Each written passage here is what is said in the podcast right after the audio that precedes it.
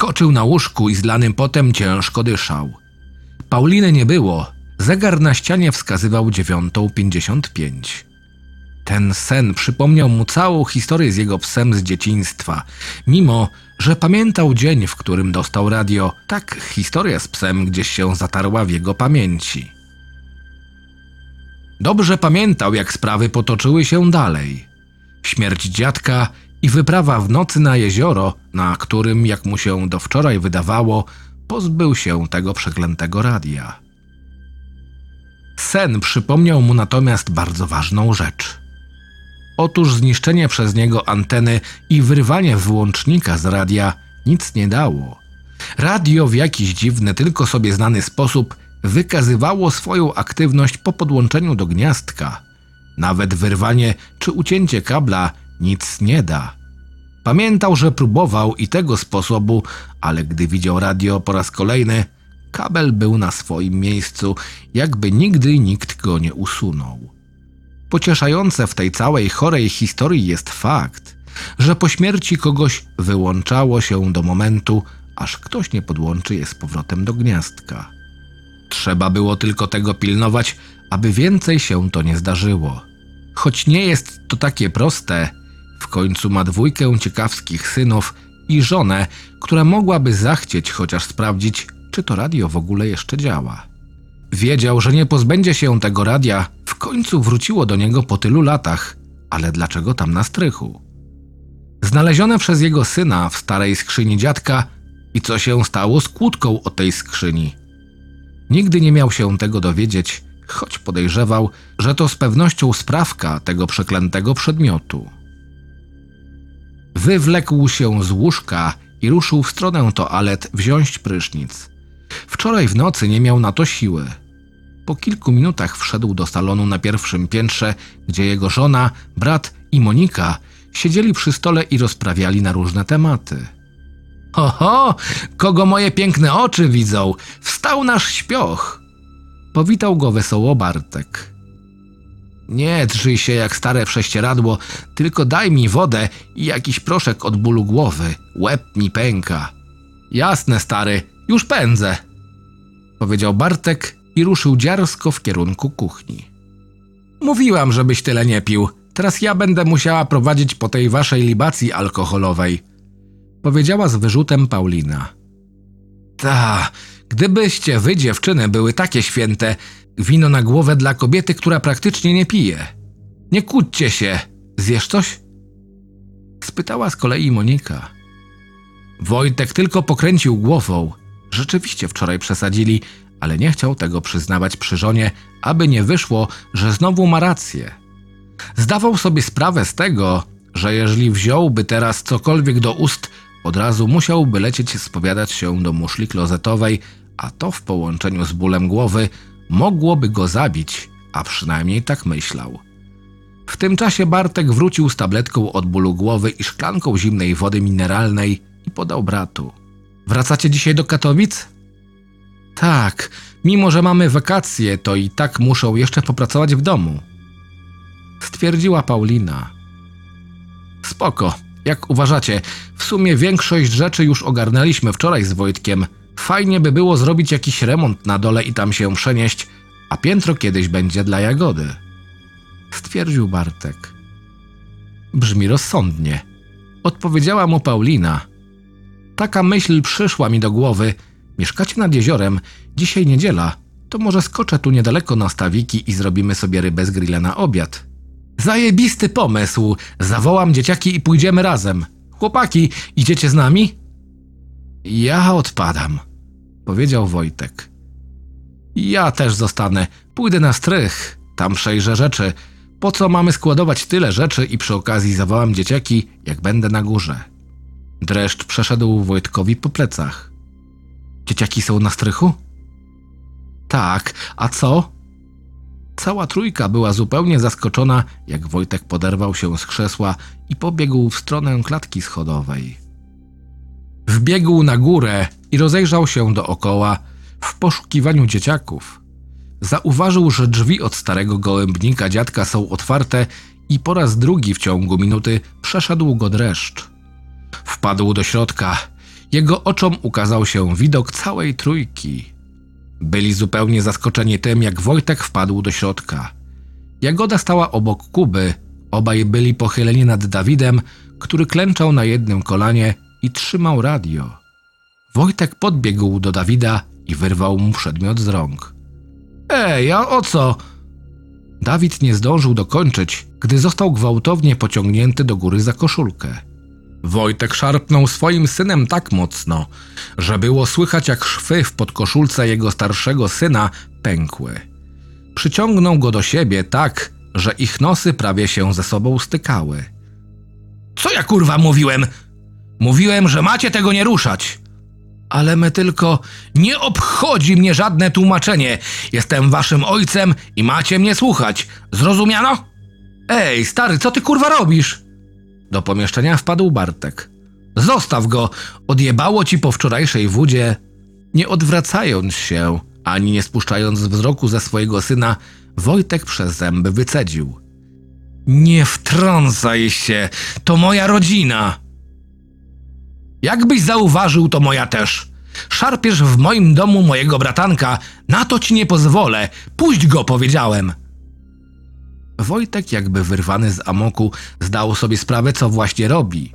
Puścił syna, który upadł na ziemię. Jagoda i Kuba stali obok z przerażeniem na twarzy i świeczkami w oczach. Dzieci, wyjdźcie, powiedział łagodnie Bartek. Jagoda i Kuba posłusznie opuścili pomieszczenie. Dawid wstał ocierając łzy, minął ojca nie patrząc na niego. Gdy mijał swojego wujka, ten położył mu rękę na ramieniu i powiedział, żeby zamknął drzwi jak zejdzie już na dół. Dawid kiwnął tylko głową i za chwilę byli tylko we dwóch na strychu. Bartek i Wojtek. Bartek podszedł do swojego młodszego brata i z wściekłością wymalowaną na twarzy spytał: Wojtek, co to kurwa było? Rzucasz się z łapami na swojego syna tylko dlatego, że oglądał twoje stare zasrane radio? Wojtek podniósł radio z ziemi. Wydawało mu się, że jest bardzo ciężkie. Słyszysz, co do ciebie mówię? Tak. Tylko tyle masz mi do powiedzenia? Wojtek odłożył radio na klatkę i sam na niej przysiadł, nie zważając na to, jaka jest stara może się zawalić pod jego ciężarem, jednocześnie masując sobie skronie. Nie wiem, co mnie opętało. Odpowiedział wymijająco, jednocześnie zdając sobie sprawę, że takie tłumaczenie to żadne tłumaczenie. Masz jakieś problemy, o których chciałbyś mi powiedzieć? Nie, nie mam. Może masz rację, że to przez wódę. Sam wiesz, praktycznie nie piję. Jeszcze ta śmierć babci, która wychowywała nas przez całe życie. Ona na pewno by nie chciała, żebyś się tak zachowywał, więc weź się w garść i idź przeprosić dzieci. Wojtek przytaknął, podniósł się, chwyciwszy radio pod pachę i wyszedł z gołębnika. W ślad za nim ruszył Bartek. Co tam się stało? Słyszeliśmy wasze krzyki z góry. Spytała z niepokojem na twarzy Monika. Nic, mała rodzinna sprzeczka o głupoty. Nie ma co do tego wracać. Gdzie dzieciaki? Są na dworze z Pauliną. Wojtek, usłyszawszy te słowa, odwrócił się na pięcie i ruszył schodami w dół. Zanim jednak wyszedł na zewnątrz, wszedł jeszcze do salonu na dole i zabrał kluczyki od samochodu. Gdy wyszedł na zewnątrz, widział jak Paulina klęczy przy Jagodzie i Kubie i przytula ich do siebie. Dawid siedział parę metrów dalej na starej oponie od traktora. Zanim jednak ruszył w ich stronę, udał się do bagażnika samochodu i włożył tam radio. Zamykając klapę od bagażnika, westchnął przeciągle. Dobrze wiedział, że mimo swoich przeprosin i tak dostanie mu się od Pauliny za takie agresywne zachowanie do ich starszego syna. I na domiar złego ich młodszy syn musiał na to wszystko patrzeć. Wziął głęboki wdech i ruszył w ich stronę. Na początek udał się do Dawida, widział bowiem z jakim wyrzutem patrzyła na niego jego żona. Dawid, musimy porozmawiać, powiedział, ale jego syn nie reagował na jego słowa. Synu, chciałbym cię przeprosić za moje zachowanie. Nie powinienem się tak zachowywać w stosunku do ciebie. W ogóle nie powinienem się tak zachowywać w stosunku do kogokolwiek. Poniosło mnie, nie powinienem. Powtarzam się, pomyślał. Przepraszam cię za to, obiecuję, że już nigdy się tak nie zachowam. Okej. Jego syn nadal na niego nie patrzył. Wynagrodzę ci to, obiecuję. Podszedł do swojego syna, pociągnął do góry i mocno przyciągnął do siebie, wtulając jego ciało w swoją klatkę piersiową. Kocham cię, synu. Ja ciebie też, tato, ale nie rób już tego więcej. Po chwili obu poleciały łzy po policzkach. Gdy odstąpili od siebie, spostrzegli, że Paulina od jakiegoś czasu wraz z Jagodą i Kubą stali tuż za nimi i byli świadkami całego zajścia. Wojtek odwrócił się w ich stronę, spojrzał na swojego młodszego brata i bratanicę, po czym podszedł do nich i przyklęknął. Was również przepraszam za moje zachowanie. Kto ma z was ochotę na lody czekoladowe? Wczoraj w tajemnicy kupiłem parę sztuk. Ja, ja! zawołały dzieciaki. W porządku, a więc musicie iść na piętro do zamrażalki. Jakby Bartek protestował, powiedzcie, że ja wam pozwoliłem. Dzieciaki czym prędzej pognały w stronę domu, a Dawid za nimi. Wojtek zatrzymał go i jeszcze raz przytulił do siebie. W porządku, tato. Uśmiechnął się do swojego starego, po czym ruszył dalej. W tym momencie jego spojrzenie padło na jego żonę, która cały czas bacznie go obserwowała, nie wypowiadając ani jednego słowa. Słuchaj, ja. uciszyła go ruchem ręki. Temat zamknięty. Dawid ci wybaczył, a po minie pozostałych widać, że też. Ja z kolei mam nadzieję, że to się już nie powtórzy nigdy. Nie powtórzy się.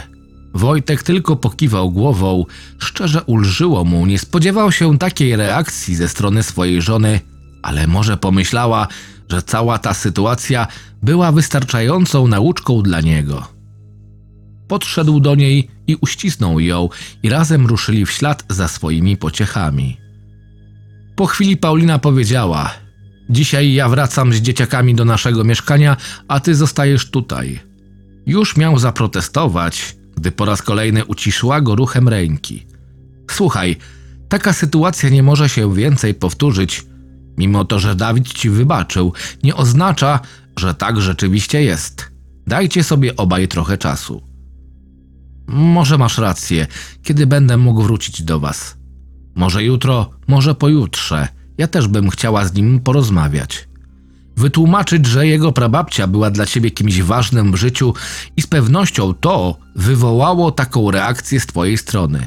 Mam rację? Pokiwał głową na potwierdzenie tych słów, choć wiedział, że to nieprawda. W porządku, a zatem ustalone.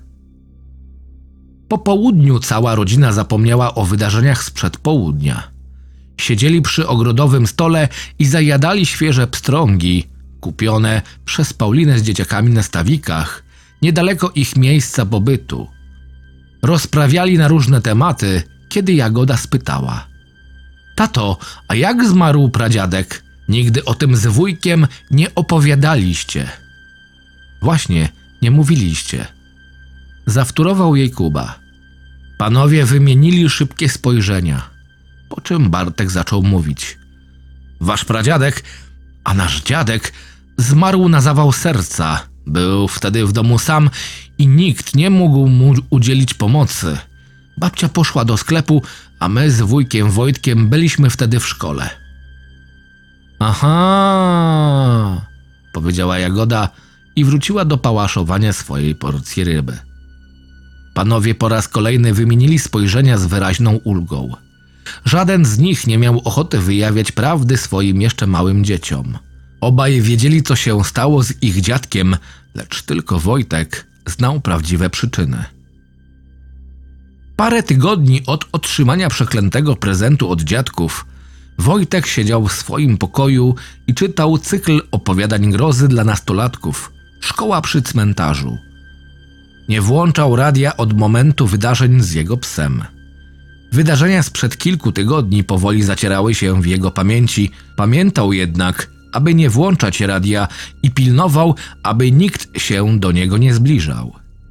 Parę razy zdarzyło się, że Bartek lub dziadek chcieli posłuchać radia, lecz Wojtek skutecznie im to uniemożliwiał. Bartek początkowo był zły i mówił, że pies ogrodnika z jego brata. Pewnego razu, gdy wracał ze szkoły, zauważył stojącego i opierającego się o parapet jego dziadka, który jakoś dziwnie się zachowywał. Gdy Wojtek wszedł do domu, a później na korytarz, zamarł. Słyszał wesołą muzykę lecącą z radia. Tak, dokładnie z tego radia.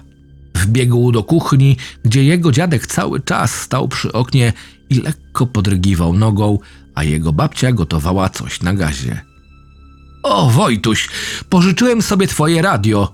Chcieliśmy sobie z babcią umilić ten czas, jak was nie ma w domu. Nie masz pretensji?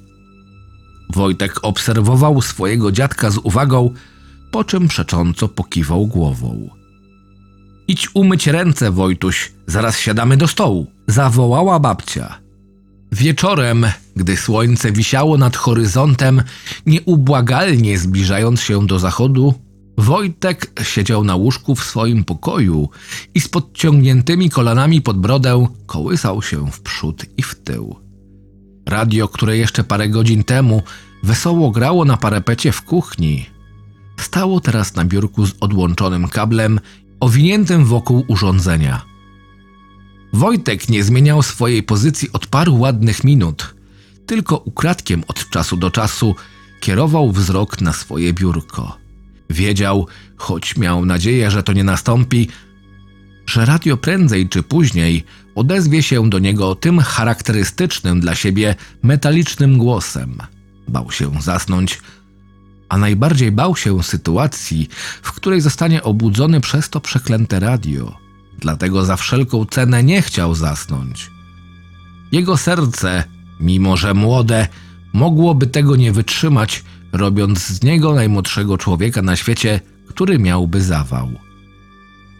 W pewnym momencie poczuł, że musi się napić i wyszedł z pokoju, kierując się w stronę kuchni w celu napicia się wody i napełnienia kolejnej szklanki i przyniesienia jej do pokoju.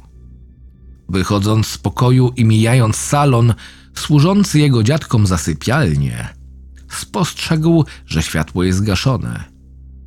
Jego starszy brat zawsze się śmiał, że dziadki idą spać razem z kurami. Wojtek do pewnego momentu nie wiedział o co chodzi jego starszemu bratu, ponieważ nie hodowali kur. Niecałe dwie minuty później znajdował się z powrotem w swoim pokoju, a w momencie, gdy zasiadł na skraju łóżka, usłyszał głos wydobywający się z radia. Przeszył go dreszcz i wyprostował się jak struna. Towarzyszyło temu ciche strzelenie jego kręgów piersiowych. Powoli odwrócił wzrok w stronę biurka, na którym znajdowało się radio i usłyszał je po raz kolejny, wypowiadając te same słowa, zupełnie tak, jakby radio podejrzewało, że mógł nie usłyszeć za pierwszym razem. No, Wojtuś, jesteśmy teraz jednością. Zaszumiało przeciągle. Nie lubimy, jak nas ktoś zabiera bez wcześniejszego pozwolenia. Antoni niedobry, niedobry Antoni musi ponieść karę za swoje grzechy. Nie! Wyjąkał Wojtek. Nie rób mu krzywdy! On nie wie, nie wiedział. Zostaw go w spokoju. Co dasz nam w zamian, Wojtuś? Swoje życie? A może życie swojej babci, co, Wojtuś? Co tylko chcesz, tylko nie krzywdź moich dziadków. Zaszumiało. Dla Wojtka była to wieczność, choć trwało to góra pięć sekund. A może życie twojego starszego brata? Wojtek poczuł przypływ narastającego strachu. Nie dość, że stracił swoich rodziców, to teraz miałby stracić swojego brata? Nie, tylko nie Bartka. Każdy, tylko nie Bartek, nie moja rodzina. Zaszumiało ponownie. Po chwili radio odezwało się ostatni raz tej nocy. Zgoda. Nie skrzywdzimy twojej rodziny. Dobranoc, Wojtuś. Śpij dobrze.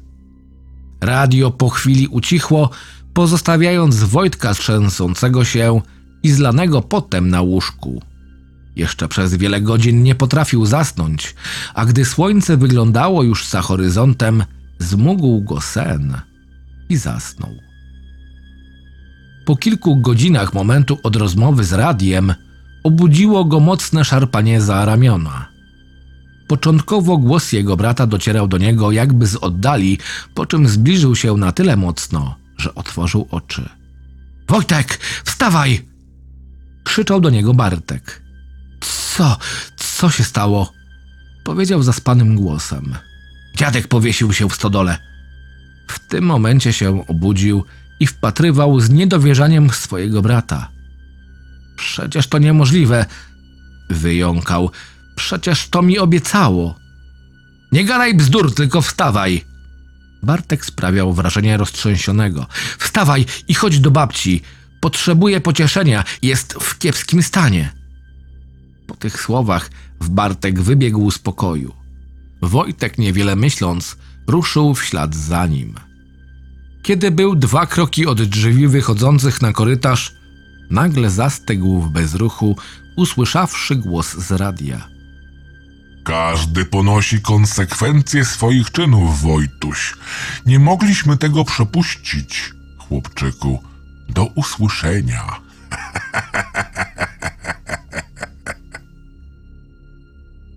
Ostatniemu słowu towarzyszył głośny śmiech, po czym radio ucichło. Były to ostatnie słowa, jakie Wojtek miał usłyszeć z tego radia, a przynajmniej tak mu się wydawało do momentu, w którym paręnaście lat później jego młodszy syn miał znaleźć radio na strychu. Śledczy wykluczyli udział osób trzecich w śmierci dziadka, zamykając sprawę po paru tygodniach, ustalając, że to samobójstwo. Babcia stosunkowo szybko do siebie doszła po stracie małżonka, choć Wojtek i Bartek dobrze wiedzieli, że do końca swojego życia nie pogodziła się z tym. Żyło im się o wiele ciężej, brakowało pieniędzy i silnego wzorca dla chłopców. Ciotka Krysia, siostra babci, przyjechała na jakiś czas, aby pocieszyć ją i pomóc w wychowywaniu dzieci. Tego samego dnia wieczorem Wojtek postanowił pozbyć się radia raz na zawsze. Początkowo próbował trzymać je z dala od rodziny, ale nic to nie dało, więc nie mógł więcej ryzykować, że ktoś je znowu włączy. Kiedy zaszło słońce, a na niebie były bardzo widoczne gwiazdy, Wojtek wymknął się z domu wraz z workiem z radiem w środku nad jezioro. Zanim jednak to zrobił, zakradł się do sypialni dziadków i z dolnej szuflady komody wyjął pęk kluczy należący do jego dziadka i zabrał je ze sobą, uważając na to, aby nie zbudzić babci ich brzękiem. Babcia była wykończona i z pewnością ów dźwięk by jej nie zbudził, ale ostrożności nigdy za wiele. Udał się nad jezioro. Gdy był na plaży, skręcił w lewo do starej szopy dziadka, gdzie znajdowała się mała łódka. Dziadek czasami wypływał na jezioro w celu złowienia jakiejś dorodnej ryby. Otworzył kłódkę kluczem zabranym z sypialni babci. Wnętrze szopy było małe, mieściła się w niej łódka oraz mały regał z narzędziami. Chwycił za sznur znajdujący się na rufie łódki i pociągnął ją w stronę jeziora. Dla dziewięciolatka nie było to proste, ale po jakimś czasie łódka stała w wodzie, wesoło kołysząc się w świetle księżyca. Zanim wszedł na pokład, zabrał ze starej szopy sznur i zmierzając do łódki zabrał jeszcze duży kamień znajdujący się nieopodal plaży, po czym wpakował się na pokład. Chwilę później znajdował się na środku jeziora. Sznur starannie obwiązał dookoła worka z radiem, wcześniej pakując do niego wcześniej zabrany kamień, po czym uniósł zawartość wysoką nad głową i wykrzyczał: Już nigdy nikogo nie skrzywdzisz, ty suko! Po czym z impetem wrzucił worek do wody, który zniknął momentalnie wraz z zawartością. Włożony wcześniej duży kamień spełnił swoją rolę i całość powędrowała na dno jeziora. Wojtek siedział w łodzi jeszcze przez chwilę, upewniając się, że to cholerstwo w jakiś dziwny sposób nie wypłynie. Chwycił za wiosła i gdy już miał kierować się ku brzegowi, rozpętała się burza z mocnym wiatrem. Wiatr był na tyle silny, że szarpnął łódką, która momentalnie obróciła się do góry dnem, zatapiając jedynego pasażera. Wojtek wypłynął na powierzchnię, łapczywiąc, łapiąc powietrze. Miał szczęście, że wychował się nad jeziorem i potrafił doskonale pływać. Po 15 minutach walki z żywiołem wywlókł się z jeziora ciężko dysząc. Był szczęśliwy, że udało mu się pozbyć tego przeklętego radia. Gdy leżał tak na piasku, w pewnym momencie zdał sobie sprawę, że nie ma żadnej burzy i wiatru. To z pewnością to przeklęte radio chciało go wciągnąć na dno, ale nie udało się. Wygrał, pokonał to ścierwo, które miało już nie powrócić.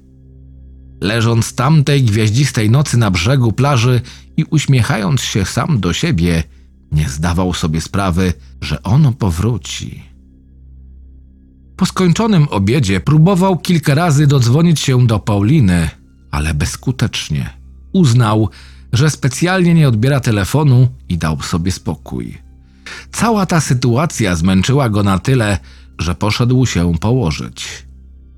Bartek z Moniką nie rozmawiali z nim od momentu, kiedy Paulina zabrała dzieci i wróciła do mieszkania w Katowicach. Wojtek wszedł do pokoju i położył się na łóżku. Po kilku godzinach snu obudził się z przerażeniem. Zegar na ścianie pokazywał pierwszą pięćdziesiąt, czym sprawiał wrażenie, że uśmiecha się do niego. Przypomniał sobie, że z tego wszystkiego radio zostało w bagażniku ich samochodu i pojechało wraz z jego rodziną do Katowic. W pośpiechu i z przerażeniem na twarzy ubrał się i pobiegł na górę, na korytarz, o mało nie wybijając sobie zębów na schodach, gdzie przy wieszakach na ubrania wisiały klucze do samochodu jego brata. Chwycił je szybko i pognał do garażu. Parę minut później był już na trasie 86 prowadzącej do Katowic. Zadzwonił telefon. To był Bartek. Był wściekły. Obudził go hałas, jaki Wojtek zrobił wpadając na korytarz na górze. Wybiegł za bratem na zewnątrz, ale nie zdążył go zatrzymać. Wojtek powiedział mu, że wszystko mu wytłumaczy, ale teraz nie ma czasu, bo musi skupić się na drodze i zanim Bartek zdążył coś powiedzieć, rozłączył się. Przez całą drogę towarzyszyła mu tylko jedna myśl. Boże, żeby nie zabrali radia do mieszkania i nie włączali do kontaktu. Po kolejnych paru minutach wjechał na swoje osiedle. Zaparkował wóz i pobiegł w kierunku swojej klatki. Gdy mijał blok znajdujący się przed jego klatką, spostrzegł kątem oka, że po prawej stronie pomiędzy blokami coś leży. Zatrzymał się i ciężko dysząc, podszedł do obiektu. Gdy był wystarczająco blisko, nogi się pod nim ugięły i upadł na kolana i zaczął wyć. Dwa metry przed nim leżało ciało jego starszego syna, rozpłaszczone na ziemi. Doczołgał się do niego i histerycznie płacząc, wtulił się w to, co zostało z jego syna. Światła w mieszkaniach się pozapalały i ludzie popodchodzili do okien sprawdzić, co tak hałasuje. Nagle z ich klatki wybiegła Paulina. To, co zobaczyła, załamało ją, wpadła w histerię. Ludzie wybiegli ze swoich mieszkań. Panował chaos, ktoś krzyknął, inny ktoś dzwonił po pogotowie, choć zdawał sobie sprawę, że karetka tu w niczym nie pomoże. Gdy pogotowie podjechało i próbowało uspokoić matkę chłopca, Wojtek wstał i z powagą na twarzy wszedł do bloku. Zaświecił światło na klatce schodowej i udał się w kierunku windy. Gdy wszedł do środka, drzwi się zamknęły, a on nacisnął przycisk z liczbą 6. Chwilę później znajdował się na swoim piętrze. Gdy wychodził, głośnik windy oznajmił, na którym jest piętrze. Wojtek wzdrygnął się i ruszył dalej. Drzwi do ich mieszkania były otwarte. Wszedł do środka i udał się na prawo do pokoju chłopców. Włączył światło. Żarówka oświetliła pokój. Po prawej stronie było puste łóżko Dawida. Po lewej stało łóżko, w którym spał ich młodszy syn Kuba, nakryty kołdrą z wizerunkami Scooby-Doo. Na wprost od wejścia było otwarte okno. Pod oknem biurko, a na nim radio. Podszedł do biurka i pociągnął za kabel. Radio okazało się wpięte do kontaktu. Zamknął okno i wyjął wtyczkę z kontaktu i zabrał radio ze sobą. Wychodząc z pokoju, podszedł do łóżka Kuby, by pocałować chłopca w czoło, po czym opuścił mieszkanie, zamykając za sobą drzwi. Gdy wyszedł z bloku, ludzie patrzyli na niego z przerażeniem i współczuciem wypisanym na twarzy. Paulina leżała w karetce nieprzytomna i przypięta pasami. Pielęgniarz musiał jej dać sporą dawkę środków uspokajających. W tym momencie podszedł do niego policjant, a drugi spisywał zeznania świadków. Muszę zadać panu kilka pytań, powiedział. Małżeństwo Wojtka rozpadło się po tych wydarzeniach. W sądzie Paulina opowiedziała, co się stało wcześniej w domu jego szwagra i co najprawdopodobniej było przyczyną samobójstwa ich syna. Po takich zeznaniach sąd orzekł rozwód i odebrał prawa rodzicielskie ojcu. Wojtek przez jakiś czas pomieszkiwał kątem u swojego brata, ale ten po namowach swojej żony kazał mu się wyprowadzić. Paulina sprzedała mieszkanie i wraz z synem wyprowadziła się na drugi koniec Polski. Wojtek z kolei wynajął kawalerkę i zamieszkał sam, a w zasadzie ze swoim radiem, przeklętym prezentem urodzinowym od swoich dziadków. Na targu staroci w Będzinie panował zgiełk jak co środę. Sprzedawali tu najróżniejsze rzeczy. Stare filmy na VHS, książki, gazety, a nawet stare radia. Panie, po ile to radio? spytał starszy mężczyzna. A ile by pan za nie dał? spytał facet przed czterdziestką, choć wyglądał na o wiele starszego. Wydarzenia sprzed roku mocno odbiły się na jego zdrowiu. Nie wiem, widać, że stary rupieć, a działa w ogóle? Działa. O to nie musi się pan martwić. Mężczyzna uśmiechnął się pod nosem. Nie wiem, za takiego rupiecia to pięć złotych mogę dać. Proszę bardzo, jest pańskie. Dziadek dał facetowi pięć złotych, schował radio do płóciennej torby i odwrócił się. Gdy miał już odejść, sprzedawca zawołał. Niech pan pamięta, trzeba je wpiąć do gniazdka. Uśmiechnął się do staruszka, a w jego oczach widać było obłęd.